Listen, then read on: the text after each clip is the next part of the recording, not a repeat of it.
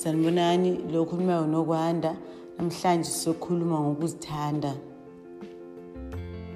Yini ukuzithanda? Ukuzithanda into izinto ezicabangayo ucabanga ini mohlelo uyi-one ubheke ini mohlelo uyi-one uma unembe zakho ukuvukela yini unembe zakho okutshengisa yona ukuthi fanele ulungise? And into ebalulekile ukuthi yini wena oyicabangayo uma uhlelo uyi-one for instance uma uhlelo uyi-one ucabanga abantu ukuthi bayenzani bakuphi and so forth. Into ekuphazamisa yenza ukuthi wena ungabi nempilo ebhekane nawe ngqo. Yenza ukuthi njalo ube focused ngaphandle nendabeni zabantu and ungayenzi izinto ezenza ukuthi wena uzibheke wena bese futhi uyabheka ukuthi yini fanele uyenze ukuthi uphumelele. Ukuzithanda kuya kundlula ukumake up kundlula ukufaka i-weave or ukuluka kundlula ukugqoka kahle kundlula ukuba nice to other people kundlula ukuhleka or smiling to other people. Ukuzithanda it's all about loving yourself from inside. It's all about feeling good inside about yourself. It's all about loving who you are. From inside. It's all about appreciating who you are.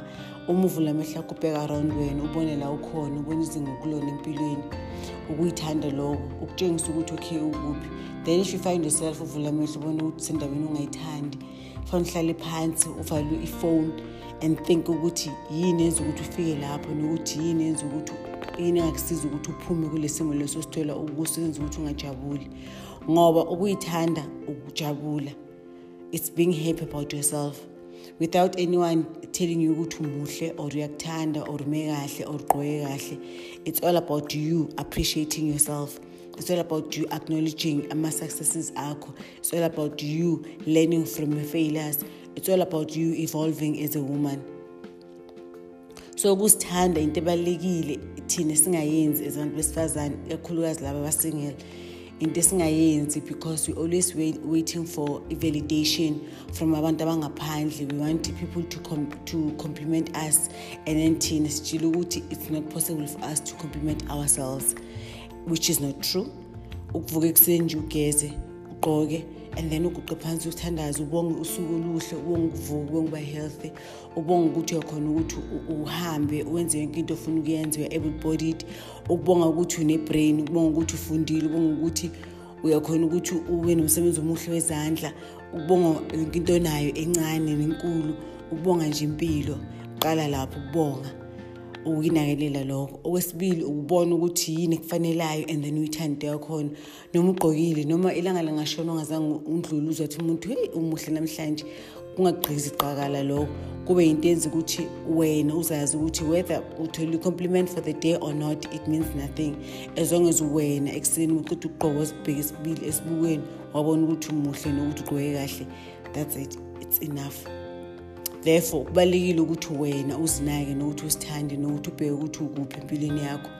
And then really really sit down and enjoy yourself and enjoy where you are.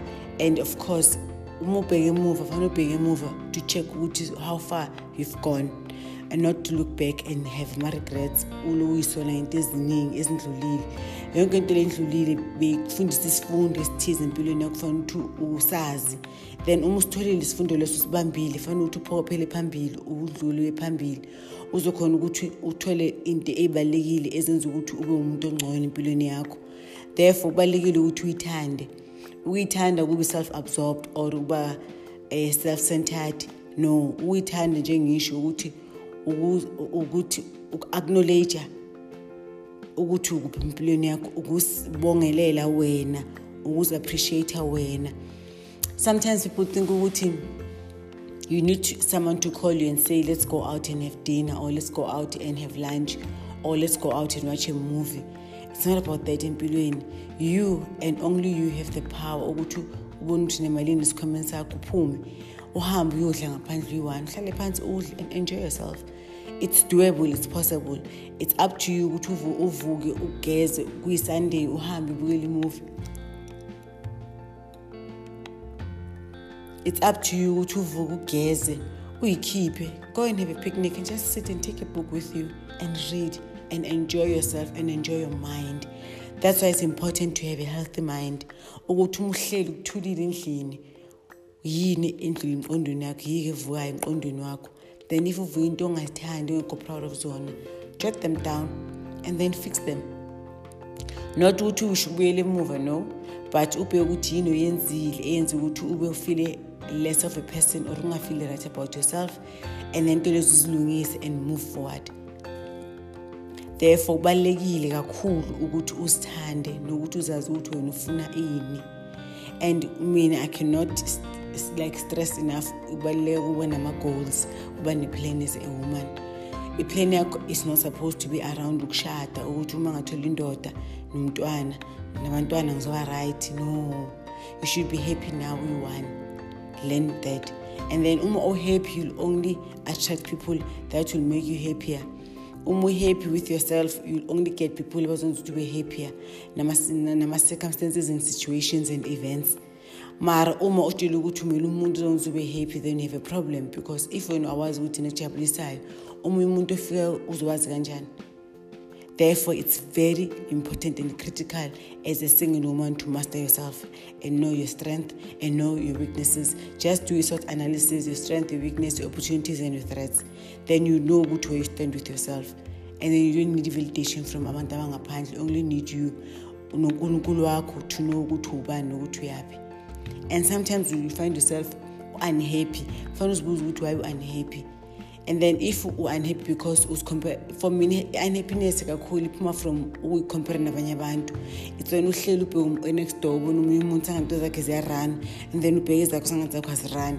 That's when uqala ukuba unhappy. Mara uma ungahlala phansi unganaki muntu kunento efaka amahashi bathi ama-blinkers or ama-hor clubs ugqoke zona ezimboza the sides of the eyes ubheke phambili. Uzobona sowukude empilweni uzithola on top of mount kilimanjaro ungazi ufike kanjani. And not only that i-destination yakho noma uyazi ukuthi yini fanele u-enjoye the journey. Endleleni kunento ohlangana nazo towards i-destination yakho into efanele uzi-enjoye lezo. Into ezenza ukuthi i-destination yakho i-enjoye because i-journey uhambo lwakho libonile uhlangana into eziningi kunameva kunamabhodlela kunamatshe kunanani kuyabona konke lokho then you, you learn to maneuver around yonke le nto leyo. Then by time ufike ku-destination yakho uyobe unenye mindset uzobe unenye character ebrilliant enza ukuthi ureach even, even greater heights. Therefore kubalulekile ukuthi sizame ukuthi uma sisingile si-enjoye ukuhlala sisodwa and truly truly be on the journey of knowing who we are. By spending as much time as possible with ourselves going out alone taking ourselves to movies as long as usebenza or unayo imali leyo zikhiphe go out watch a movie go out eat alone and do as many things possible you want and see ukuthi what makes your soul dance. You can only do that if wenza uyi-one and don't never ever rely on other people to come into your life and make you happy because they are yikho because happiness it's a feeling it's an emotion which you need to uh, to maintain yourself. Umsebenzi wakho ukuthi maintain i-happiness not anyone's baby but your baby. Therefore it's important for you to know who you are and to really really love yourself and take care of yourself. So if you do self-care and self-love you are destined for into ezinhle and then you know ukuthi whatever ufunayo emhlabeni uzoyithola. And then if tomorrow it happens you bump into that person it's not a coincidence it's someone that you have aligned yourself with. And then now they're looking for someone like you and now you're looking for someone like them. And then it's, it's just this perfect uh, coincidence. I can call it that. Also uyitholile and then that person also filter into your life like a glove. And you don't even have to explain yourself ukuthi understand ukuthi ubani nokuthi ufuna ini. So i would love to urge everyone to have time and spend as much time as possible with themselves especially those who are still single. Don't rush to go into a relationship seeking for validation or uthando or love. No just know right now what you can start today by loving yourself. You can start today by validating yourself. You can start today by appreciating yourself. It's up to you.